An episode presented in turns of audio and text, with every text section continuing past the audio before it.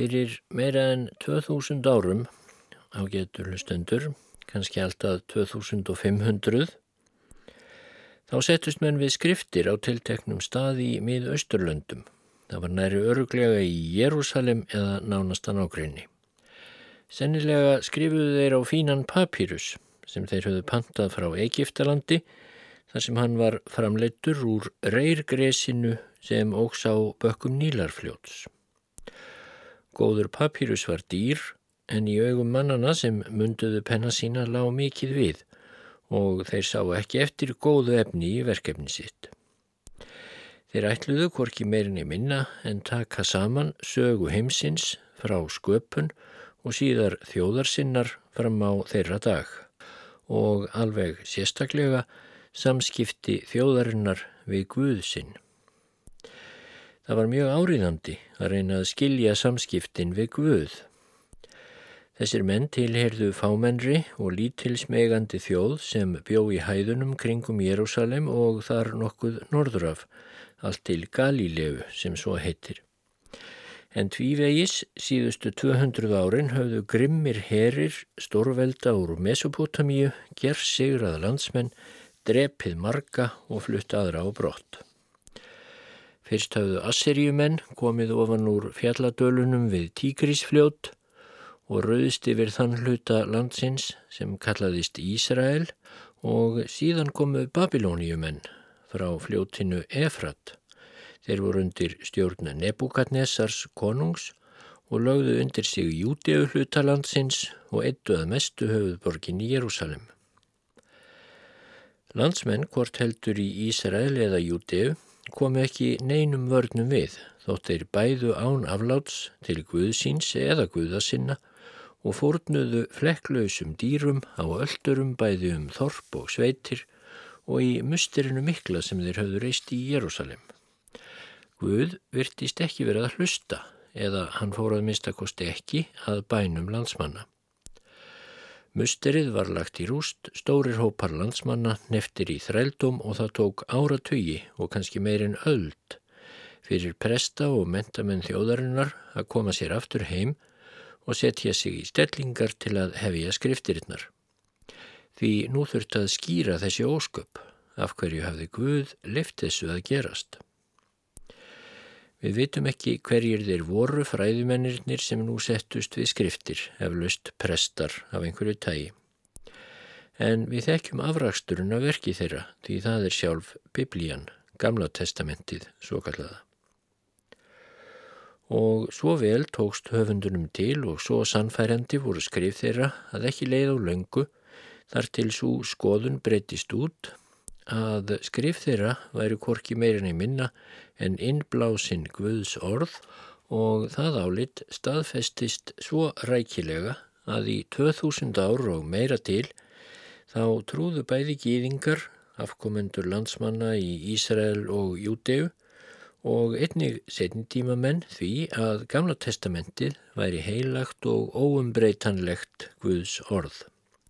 Hann hefði í rauninni skrifað þetta testamenti sjálfur eða þannig. Setna tóku kristnir menn þess að trú upp eftir gýðingum og ymsir þeirra reyna enn að trúa bókstaflega á skrif hinna löngudánu fræðimanna og presta í Jérúsalem eins og þau séu skýrsla frá Guði skrifuð á himnum. En svo rannlóks upp fyrir mönnum öðrum en hinnum bókstafstrúðu að Gamla testamentið er ekki skrifað á himnum Fræðimennirnir og prestarnir settu það saman á bísna löngum tíma í Jérúsalem meðan borgin reys og rústum eftir hervirki Babilóniumanna. Fyrst og fremst undir fremur mildri stjórn Persa en síðan Alexander Smikla og arftaka hans. Þjóðin hafði ekki styrk til að verða sjálfstæð á ný og það þurfti líka að skýra það af hverju lefði Guð landsmönnum ekki að ráða sér sjálfur sama hver tryggir og trúir þeir vorunum eða vildu vera.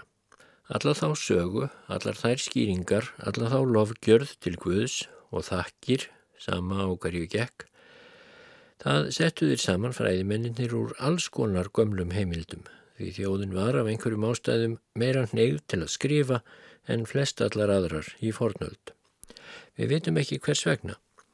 En alls konar heimildir höfðu frá gamalli tíð sapnast fyrir í fórum fræðimannana í Jérúsalem og ennaðrar sóttu þeir vafalust sjálfur til gamalla kalla og kellinga.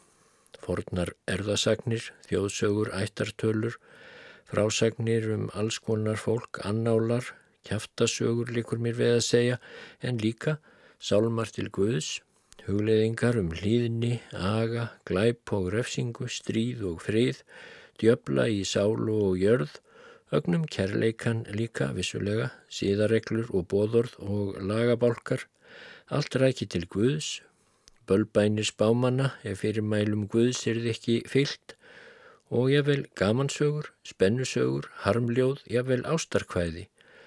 Öllu þessu stiftu fræðimennir saman og þótt þar sé að finna stórkoslegar bókmyndir og æsilegar hetjusögur þá má aldrei gleymast að hlýðinni við Guð og viðleitni til að skilja vilja hans var það sem flest snýrist í rauninu um.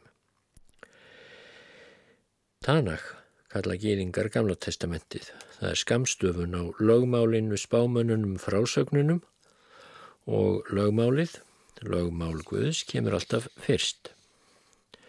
En burt séð frá því hverju og hvenar og af hver djúpri sannfæringu menn hafa kosið að trúa eins og sannleika, lögmáli Gamla testamentisins, bölbænum spámanana eða frásögnum um konga og drottningar. Það voru margar frásagnir Gamla testamentisins runnar vestrænum menningarheimi í merg og bein og til að við missum ekki tengslu okkar við hann, þá er full ástæða til að hafa þessar frásagnir í heiðri á sinn hátt og rifja þær reglulega upp, líkt og ég ætla að gera í þessum þætti, en þó á þann hátt sem hæfir nútíma fólki á öllum aldri. Ég notast við nýjustu biblíu þýðingarnar en er búin að stitta talsvert, einfalda, skýra vonandi, en held þó hinnum upprunalega anda. Og hér segir sem sagt úr beint úr gamla testamentinu af sköpunjarðar, Adam og Efu, Nóa og flóðinu mikla, Abraham og Söru og aðtugið að þetta er ekki allt fallegar sögur. Í upphafi skapaði Guð híminn og jörð. Jörðin var þá auð og tóm og myrkur grúði yfir djúpinu og andi Guðs sveifi yfir vötnunum en Guð sagði verði ljós og það varð ljós. Guð sá að ljósið var gott og hann greindi ljósið frá myrkrinu og Guð kallaði ljósið dag en myrkrið kallaði nótt. Það varð kvöld og það varð morgun, hinn fyrsti dagur var liðin. Guð sagði þá, verði kvelving millir vatnana sem greini vötn frá vötnum og það varð svo og Guð kallaði kvelvinguna heiminn. Það varð kvöld og það varð morgun, hinn annar dagur var liðin.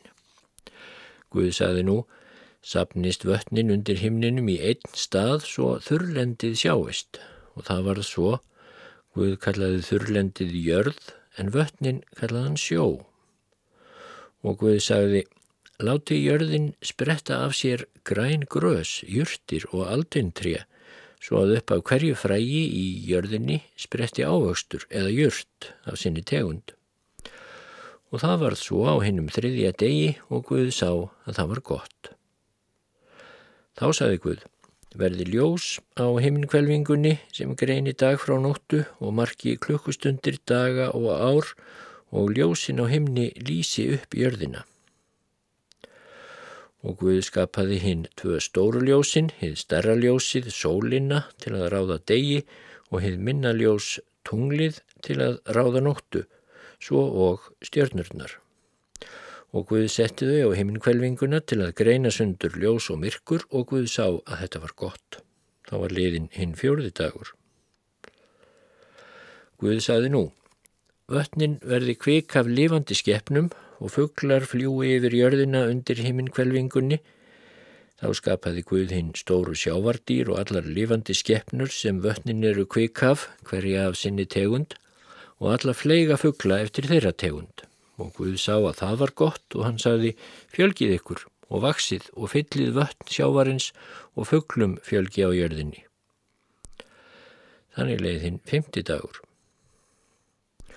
Og Guð saði næst, jörðin leiði nú fram allar lifandi skeppnur, búfjenað, skriðkveikindi og villitýr, hvert dýr eftir sinni tegund. Og það var svo og Guð sá að það var gott og þá saðan, nú vil ég gera mannin eftir minni mynd og hann skal drotna yfir fiskum sjávarins og yfir fugglum loftsins og yfir búfjenaðinum og yfir villidýrunum og yfir öllum skriðkveikindum sem skriða á jörðinni. Og Guð skapaði mannin eftir sinni mynd og hann skapaði karl og konu.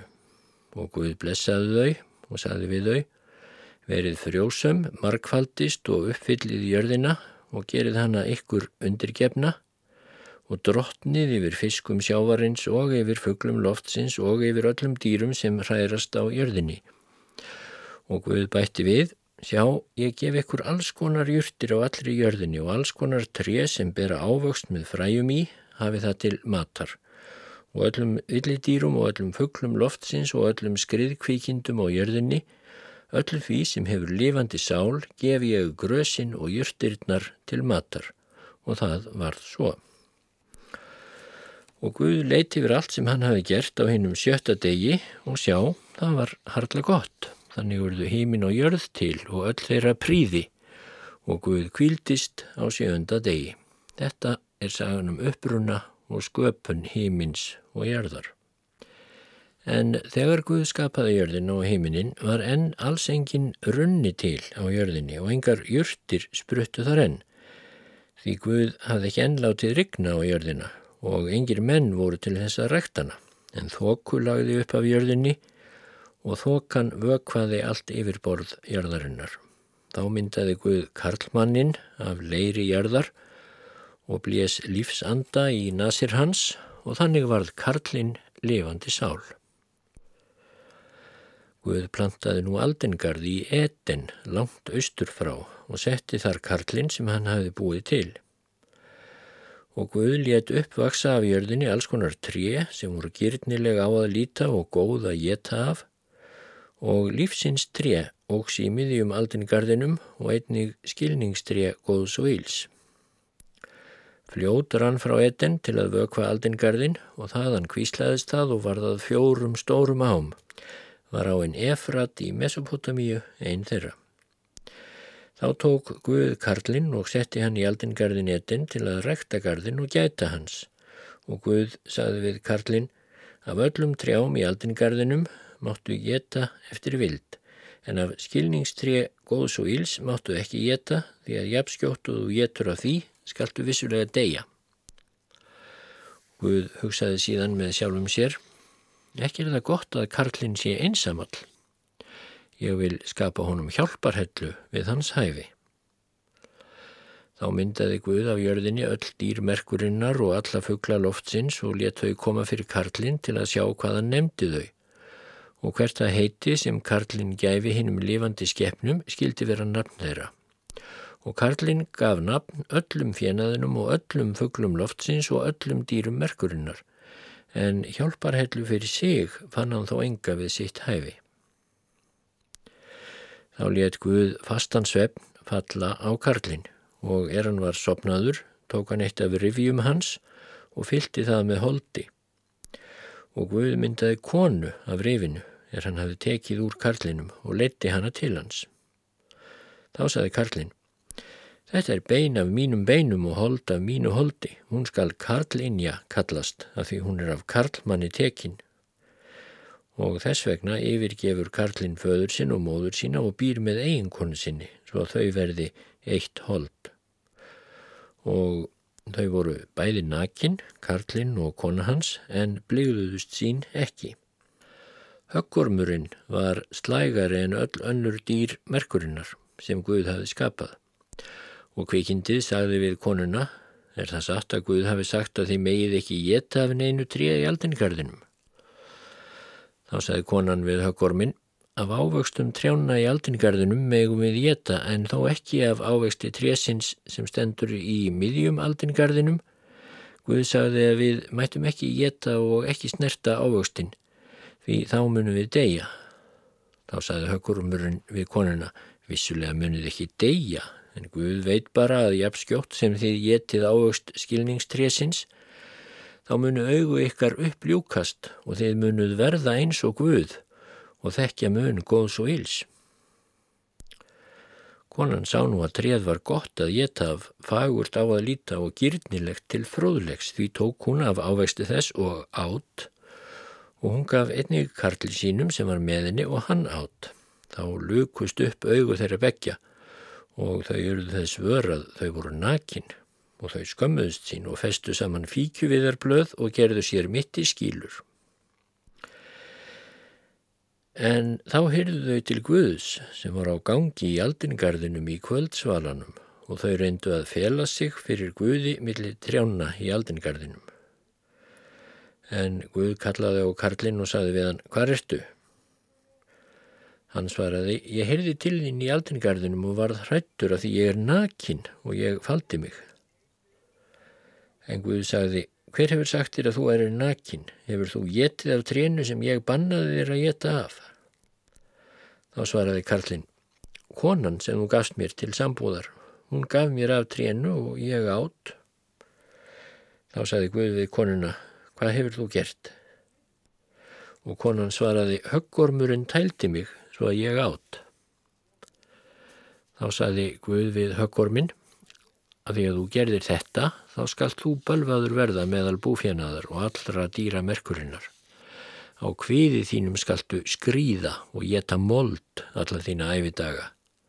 Og fjandskap vil ég setja millir þín og konunnar, millir þinna afkomenda og hennar afkomenda, þeir munu merja höfuð þitt en þú skalt býta hæl þeirra. En við konuna sagði Guð, ég mun gera þér mikla þjáningu þegar þú verður barsafandi, því með kvöl og pínu skaltu fæða börnin þín og þó skaltu áfram hafa löngun til kals þíns, en karlinn skal drotna yfir þér. Og við karlinn sagði Guð, af því að þú lítir rödd konu þinnar og ást af því tré sem ég bannaði þér að snerta, þá sé jörðin bölfuð þín vegna með erfiði skaltu næra þig af jörðinni alla þína lífdaga. Þyrna og þistla skal jörðin bera þér og þú skalt geta júrtir merkurinnar. Í sveita andlitis þíns skalt þú neyta brauðs þíns, þanga til þú hverfur aftur til jarðarinnar. Því af jörðinni ertu tekin, því mold ertu og til moldar skaltu aftur hverfa. Og Karlinn var kallaður Adam og hann nefndi konu sína Efu, hún varð móðir allra sem lifa. Og Guð gerði kallinum og konu hans skinnkirtla og let þau klæðast þeim svo þau væri ekki nakin. Guð sagði, sjá, maðurinn er nú orðin sem einn af okkur Guðunum, því hann veit nú skinn góðs og eils. Það er þá eins gott að hann rétti nú ekki út hönd sína og taki einnig ávöxt af lífsins tre og jeti og lifi þá eilíflega. Þá let Guð mannin fara á burt úr aldingarðun metin til að yrkja jörðina sem hann hafði verið skapaður af og þegar hann var búin að reka mannin burt sett hann varðengla sína kerúbana fyrir austan aldingarðin etin og logandi sverð sett hann til að gæta vegarins að lífsinstrija. Adam svaf nú hjá konu sinni Efu og hún varð þunguð og fætti svonin Kain og sagði dreng hef ég eignast með hjálp Guðs og hún fætti annað barn, bróður hans Abel. Abel var því herrmaður en Kain jarðirkjumadur og er framliðu stundir færði Kain Guði fórun af ávöxtum jarðarinnar en Abel jarðmaður fórnaði feitum nýfætum lömpum úr hjörðsynni og Guði leist vel á Abel og fórn hans en verð leist honum á Kain og fórn hans. Þá reyttist Kain ákaflega og varð niðurlútur. Þá saði Guði við Kain, af hverju reyðist þú, af hverju erst þú niðurlútur? Er ekki raunin svo að ef þú gerir rétt þá getur verið upplitt stjarfur en ef þú gerir ekki rétt þá likur syndin við dyrnar og reynir að læsa klónum í þig en þú átt í rauninni að drotna yfir syndinni. En Kain sagði við Abel bróður sinn, göngum út á akkurinn og er þeir voru út á akkurinnum, reðist Kain á Abel bróður sinn og drap hann. Nokkur síðar saði Guðið Kain, hver er Abel bróður þinn? En hann mælti, það veit ég ekki, á ég að gæta bróður míns. Þá saði Guð, hvað hefur þú gert? Blóð bróður þíns rópar til mín af jörðinni og það af þínum völdum og nú skal þú vera bölvaður og burt rekin af akrinum, þegar þú rektar akkur framvegis, þá skal hann ekki framar gefa þér neitt gróður, þú skalt verða landflótta flökkulíður á jörðinni. Kain yðræðist og sagði við Guð, sekt mín er meiri en svo að ég geti borð hana, nú rekur þú mig burt af akkurlendinu og hver sem hittir mig mun drepa mig. En þá gaf Guð út tilkynningu hver sem drepur kæn skal sæta sjöfaldri hegningu. Og Guð bannaði að kæn væri drepin og hann setti á líkama kæns merki sem þýtti að enginn sem hittan mætti drepan. Þá gekk kæn burt og setti staði í landinu nót fyrir austanettin. Og Adam svaf enna nýju hjá konu sinni og hún ól nú þriðja són þeirra og kallaði hann Set. Er mannunum tók að fjölga á jörðunni og þeim fættust dætur, þá sáu sínir Guðs að dætur mannana voru fríðar og þeir tóku sér þær konur mannana sem þeim leist vel á. Þá saði Guð, andi minn skal ekki endalust búa í manninum því hann einnig hold skal nú maðurinn því eftir leiðis lifa aðeins í 120 ár.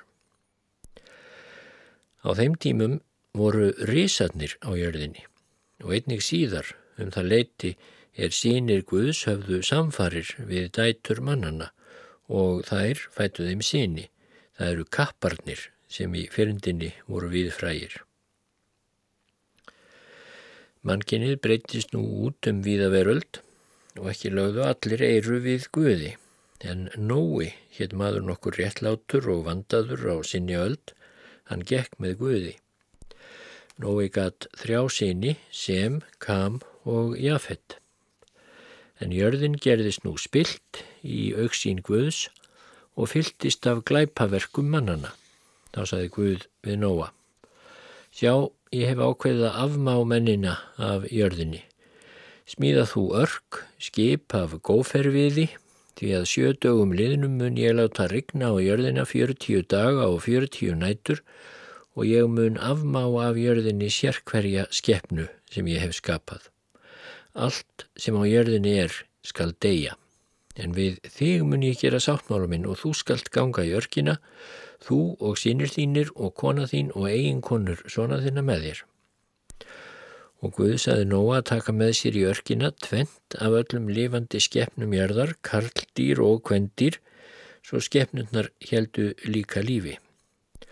Og Nói skildi taka um borð alla þá fæðu sem þyrti, mönnum og dýrum til viðurværis.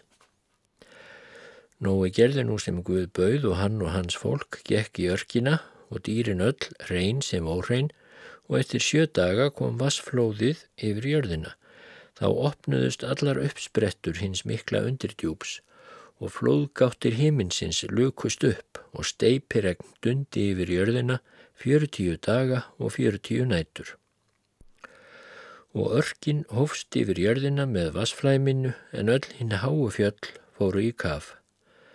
Þá dó allt líf sem hreyðist á jörðinni, bæði fugglar, fjenaður, villidýr og jáfnvel allir ormar sem skriðu á jörðinni og allir menn, allir dóu. Aðeins nói livði og fólk og dýr sem voru með honum í örkinni. En loks létt Guð vind blása yfir jörðina svo að flóðgáttir himinsins lokuðust og steipiregninu lindi og vatnið fór að rjena. Eftir 40 daga laug Nói upp glugga arkarinnar og létt út hrappn til að vita hvort vatnið væri þorrið á jörðinni. Rafnin flög fram og aftur en kvarf. Þá sendi Nói út frá sér dúfu. En dúfan fann engan kvildarstað fæti sínum og flög aftur til hans í örkina því vatn var enn yfir allir í jörðinni. Og Nói beigð enn sjö daga og sendi svo dúfuna aftur úr örkinni. Þá kom dúfan til hans aftur undir kvöld og var þá með grænt ólífu viðarblað í nefinu. Þá sá Nói að vatnið var greinilega farið að sjatna á jörðinni og enn beigðan aðra sjö daga og let þá dúfuna út en hún kom þá ekki aftur til hans. Og brátt var vatnið þornað á jörðinni og Nói tók þakið af örkinni og lítæðist um og var þá yfirborð jarðarinnar orðið þurft. Þá sagði Guð við Nóa, gaktu nú út úr örkinni og fólkið þitt og öll dýr sem með þér voru og verði þau frjósum og fjölgi og verði krökt af þeim á jörðinni aftur. Þá gekk Nói út og fólk hans og öll dýr og allt sem bærist á jörðinni hvað eftir sinni tegund gekk út úr örkinni. Nói reisti þá Guði aldari og tók af öllum hreinum dýrum og hreinum fugglum og fórnaði brennifórn á aldarinu og Guð fann þægilegan ilm og sagði við sjálfan sig Ég vil upp frá þessu ekki bölva jörðinni framar vegna mannsins, þó að hugrenningar manns hjartans séu yllar allt frá því hann er barnað aldrei. Þrátt fyrir það mun ég ekki framar drepa allt sem lifir eins og ég gerði nú. Meðan jörðin stendur skal hérðan í frá ekki linna, sáning og uppskera, frost og hiti, sumar og vetur, dagur og nótt. Guð blessaði nú Nóa og sónu hans og sagði við á verið frjósamir, markfaldist og uppfyllið jörðina. Ótti við ykkur og skjelving skal gagntaka öll dýr merkurinnar, alla fuggla loftsins, allt sem hærist á jörðinni og alla fiska sjávarins. Á ykkar vald er allt þetta gefið. Allt sem hærist og lifir gef ég ykkur að borða eins og grænu júrtirinnar.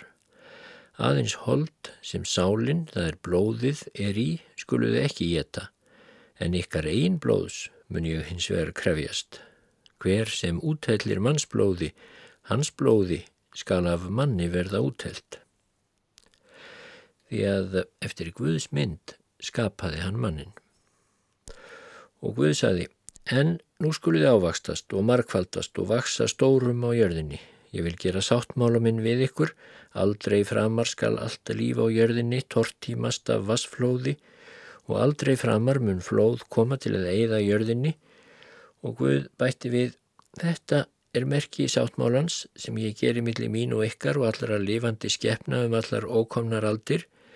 Ég ætla að setja boga minn í skíin og bógin skal vera merki í sáttmálans millir mín og jörðarinnar og þegar ég dreg skí saman yfir jörðinni og bógin sést í rigningarskíunum þá mun ég minnast sáttmála míns og aldrei framar skal vatnið verða svo miklu flóði að það tort tími öllu lífi. Sýnir Nóa sem gengu út úr öskinni voru þeir sem Kam og Jafet og frá þeim byggðist öll jörðin. Kam átti svon sem Kanaan hétt Nói gerðist nú akureyskjumadur og plantaði víngarð og hann drakka víninu og varð drukkin og lág nakin í tjaldi sínu. Og Kam, fæðir Kanans, sá föður sinn alls beran og sagði báðum bræðurum sínum frá því. Þá tóku þeir sem og jafett skikju og lögðu á herðar sér og gengu aftur og bakk og huldu svo nekt föður síns en andlit þeirra snýru undan svo þeir sá hann aldrei alls beran. Þegar Nói vaknaði af ímunni var þann þess áskinja að Kam hafði séð hann beran. Þá sagðan, bölvaður sé Kanan, sonur Kams, hann skal verða auðvirðilegur þræll bræðra sinna. Jafett gef ég mikið landrými og sem gef ég tjaldbúðir en kanan skal verða þræll þeirra. Öll jörðin hafði um þær myndir eitt tungumál og ein og sömu orð sem allir skildu. Og svo bar við, þegar mennir fóru stað úr stað í Östurlöndum, að þeir fundur lálendi í síniðarlandi og settu staðar að. Og mennir sögðu hverfið annan, gott og vel, við skulum hnoða tígulsteina og herða í eldi og þeir notuðu tígulsteina í stað grjóts og jarðbygg í stað kalks og menninir sögðu, gott og vel, við skulum byggja borg og turn sem nái allarleið til himins og reysum okkur þannig minnismerki svo að við tvísturumst ekki um alla jörðina. Þá steg Guð niður af himnum til að sjá borgina og turnin sem mannana sínir voru að byggja og Guð meldi Sjá, þeir eru ein þjóð og hafa allir sama tungumál og þetta er því fyrsta fyrirtæki þeirra. Mönnunum verður greinilega ekkert ófært sem þeir taka sér fyrir hendur. En gott og vel stígum niður og rugglum tungumál þeirra svo enginn skilji framar annars mál. Þetta gerði Guð og mennirnir skildu nú allt í einu ekki lengur hver annan, svo þeir urðu að láta af því að byggja törnin til himins og erjur urðu millið þeirra er þeir skildi ekki lengur hver annan. Og þannig tvístraði Guð mannunum út um alla jörðina. Borgin og törnin voru kalluð Babel því að þar rugglaði Guð tungumál allrar jörðarinnar og þaðan tvístraðan mönnunum um alla jörðina. Sem, svonur Nóa, eignaðist mörgbörn en það varð hann 600 ára gammal. Afkomendur hans lífðu einnig nokkrar aldir hver. Á þeim tíma byggðist jörðin mannfólki, borgir spruttu upp og ólík menningarsvæði. Einn afkomenda Sems í nýjunda lið hétt Tara. Hann bjó í borginni Úr í Kaldeu sem siðst er í Mesopotamíu. Þar kom að Tara tók sig upp með Abram, svonsinn og Sarai, tengdadóttur sína og þau fluttu til borgarinnar Harran, efst og nyrst í Mesopotamíu. Með þeim voru einnig Lot, bróðursónur Abrams og fleiri ættingir. Tara lést í Harram og Abram þá 75 ára gammal varð ættfæðir fjölskyldunar. Þá kom Guð til skjálana og saði við Abram Farðu burt úr landiðinu og frá ættfólkiðinu og úr húsi föðurðins til annars lands sem ég mun vísi ykkur á. Ég mun gera ykkur að mikilli þjóð og blessa ykkur og gera nafn ykkar mikið. Ég mun líka blessa þá sem ykkur blessa en bölva þeim sem formæla ykkur og af ykkur skulu allar ættkvíslir í erðarinnar verða blessaðar. Abram tók sig upp með Sarai, konu sína, Lot frænda sinn og allar sínar eignir og alla þræla sem hann hafði eignast og helt á stað til Kanaans lands en þangað vísaði Guð hópnum. Þegar þangað kom byrtist Guð og sagði við Abram, þetta land vil ég gefa niðjum þínum. Abram reisti öldur og tveimur stöðum og ákallaði Guð. Þá varð Hallari í landinu og Abram ákvaða að flytja sig til hins auðuga Egiptalands meðan Hallarið gengi yfir. Á leiðinni hafði Abram áhyggjur af því að Egiptar myndu ágirnast Sara í konu hans því hún var mjög fríð sínum. Og þeir munu drepa mig, saði Abram við konu sína, en láta þig lífi halda. Abram baðloks Sara í að segja öllum að hann væri bróður hennar, ekki eiginmaður svo að mér megi líða vel fyrir þínar sakir, sagðan, og ég megi lífi halda þín vegna. Líkt og Abram hafi búist við, sáu Egiptar fljótt að Sarai var mjög fríð. Höfðingjar Egipta sögðu fara á konungi sínum frá henni og hún var gerðað hjá konu fara ás. Fyrir þá þjónustu hennar við fara á fekk Abram sögði, nöyt og astna þræla og ambáttir, östnur og úlvalda. En Guð ákvaðum síður að refsa fara á fyrir að halda við gifta konu, bláur miklar þjökuðu fara á og ætt hans. Þegar fara á komst að hennu sanna let hann kalla Abraham fyrir sig og ávitaðan. Hvað hefur þú gert mér? Akkur sagðir þú mér ekki að hún væri konaðinn? Akkur sagðir þú hún er sýstir mín, svo ég tók mér hana fyrir konu? En þannig er þá konaðinn, hyrtana og farðu burt. Og fara og gaf mönnum sínum fyrir mæli og þeir ráku Abraham á braut og konu hans og allt þeirra fólk. En Abraham fekk þó að halda öllum eigum sínum, þar á meðal því sem hann hafi fengið fyrir að selja Sara í eiginkonu sína í hendur og rekju fara ás. Og Abraham var nú stór auður að kvikfið, silfri og gulli.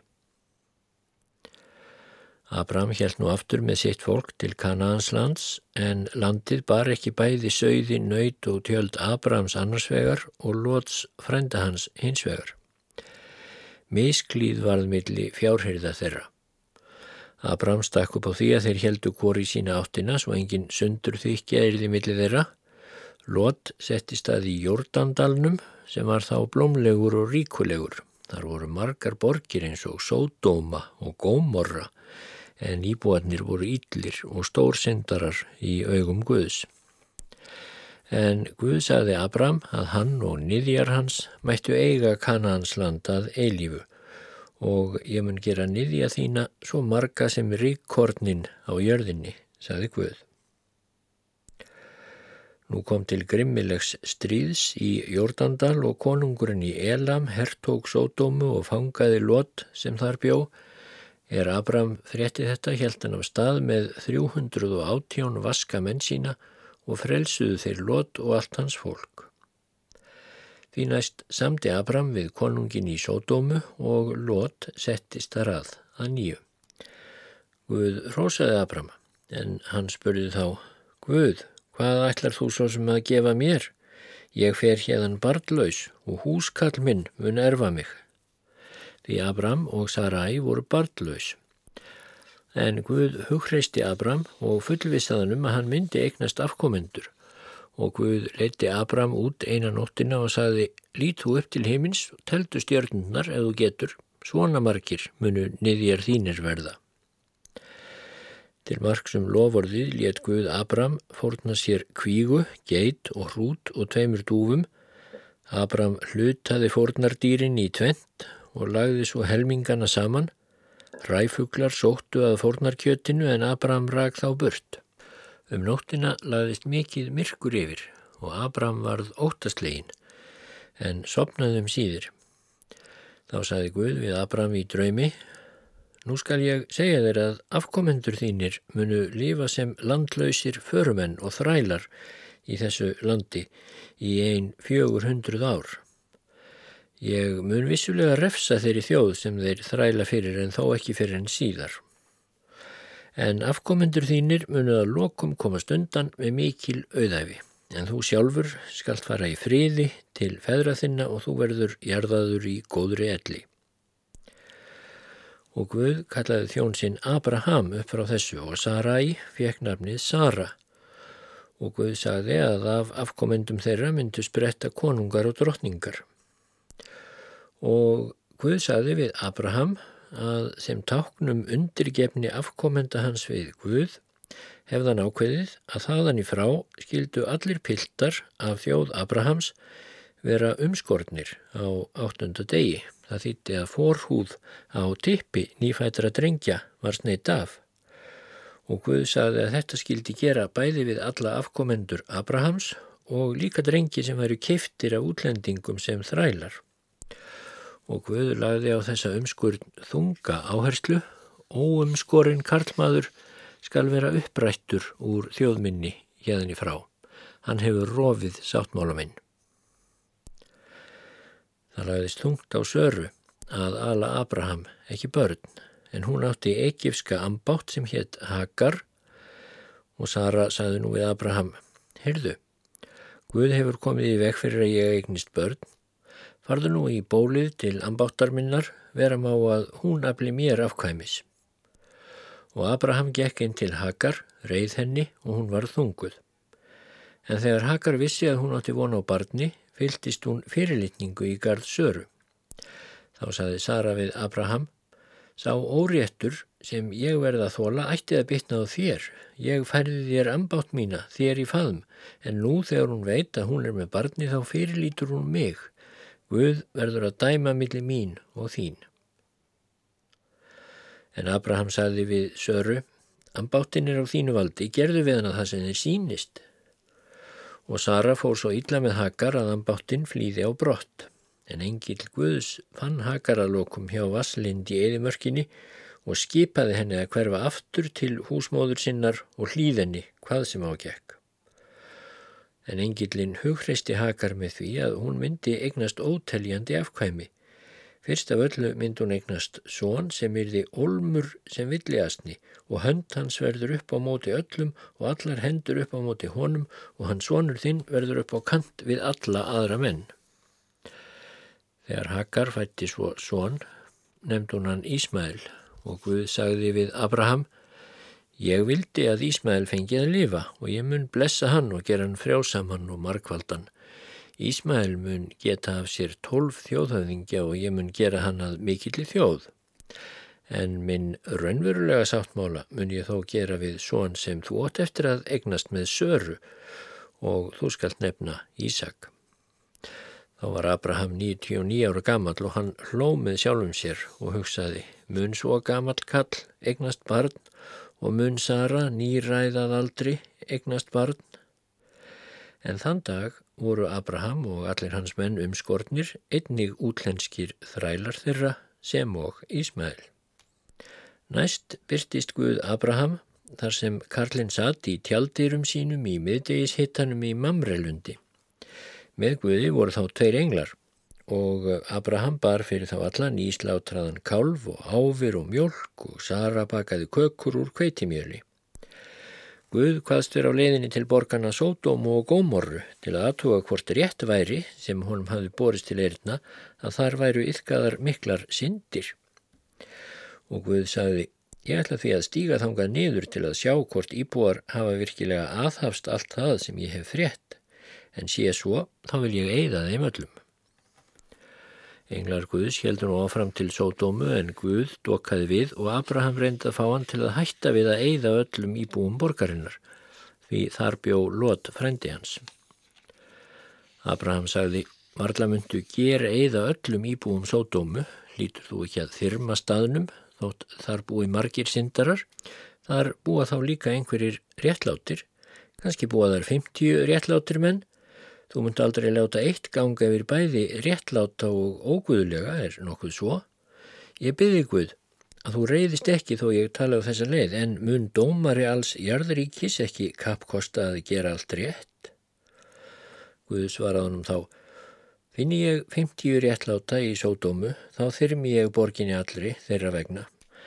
En Abraham helt áfram að söða við Guð þánga til að lokum Guð félst á að þyrma borginni ef hann fyndi þar tíu réttláta.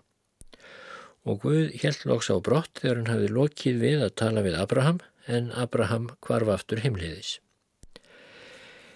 En englarnir tveir komið þá um kvöldið til sótómu. Lot mætti þeim í borgarhliðinu og þegar hann sá þá stóð hann upp til þess að helsa þeim og neyði sér djúft og sagði Sýni það lítillæti herrar mínir að koma í hús þjónsikkar og þykja næturgistingu og þvó fætur ykkar. Þá getið þið farið snemma á fætur og morgun og haldið ferði ykkar áfram. En englarnir svöruðu, nei, við ætlum að sofa á torkinu. En Lót lagði svo hartað þeim að þeir letu til leiðast að ganga inn í hús hans. Lót bjóð þeim máltíð og bakaði ósýrt brauð og þeir fengu sér bytta. Þeir hafðu enn ekki gengið til kvildar þegar borgarmenn menn sódómu slóu ringum húsið, bæði ungir og gamlir, allur borgar líðurinn til síðasta manns og menn kölluðu til lots. Hvar eru mennirnir sem komi til þín í kvöld? Leittu þá út til okkar svo við getum riðið þeim. Lot svaraði, fyrir hvern mun bræður mínir fremjið ekki því líka óhæfu, en ég á tvær ungar dætur sem eru reynar megar Ég skal leiða þessar megar út til ykkar og því megi gera við þær hvað sem ykkur sínist, en snertið ekki mennina tvo því þeir eru gestir mínir. Íbúar í sódómu rettust og hrópuðu, þessi náungi er hingað komin sem útlendingur og vil nú síða okkur til. Við skulum leika þig verra en þá. Þá seildust englarnir tveir út og dróðu lot inn til sín í húsið og lokuðu dyrunum og þá sem fyrir utan voru slóu englarnir blindu, jamt smá á stóra, svo mennirnir eruð að gefast upp við að finna dyrnar á húsinu. Og englarnir sögðu við lot, átt þú hér nokkra fleiri þér nákomna, tengda síni, síni, dætur, alla í borginni sem þér eru áhangandi, skaltu hafa á burt hérðan, því við ætlum að eigða þessari borg, svo mjög er kvartað undan henni við Guð, og Guð send okkur þess vegna til að eigða henni. Lot fór út og talaði við tvo unga menn sem voru trúlofaðir dætrum hans og varaði þá við en þeir heldu að hann væri að gera gamni sínu. Þegar dagur rann ráku englarnir á eftir lot og sögðunum að hafa sig á brott með konu sína og dætur svo að þú farist ekki vegna synda íbúana. Þegar lot hikaði tóku englarnir í hönd honum og konu hans og dætra og leittu þau út fyrir borgina því Guð hafði ákveðið að þyrma lot og fjölskyldu hans. Og englarnir sögðu við lot, forða þér, líf þitt likur við, Lítu ekki aftur fyrir þig og stoppaðu hverki á öllu sléttlendinu heldur forðað þér upp á fjöll svo þú farist ekki. Sólinn var nú runnin upp yfir jörðina þegar Lót komst burt og Guð let rigna yfir sódómu og gómorru brennisteini og eldi af himnum ofan og hann gjör eitt í þessum borgum og öllu sléttlendinu og öllum íbúum borgana og öllum gróðri jörðar. En kona Lóts leit við að baki honum og varðað saltstólpa. Abraham gekk snemma morguns þangaðir hann hafi staðið með Guði og hann horfi nýður á sódómu og gómorru og yfir allt sléttlendið og sá að reik lagði upp af jörðinni því líkast sem reikur stæði úr ofni.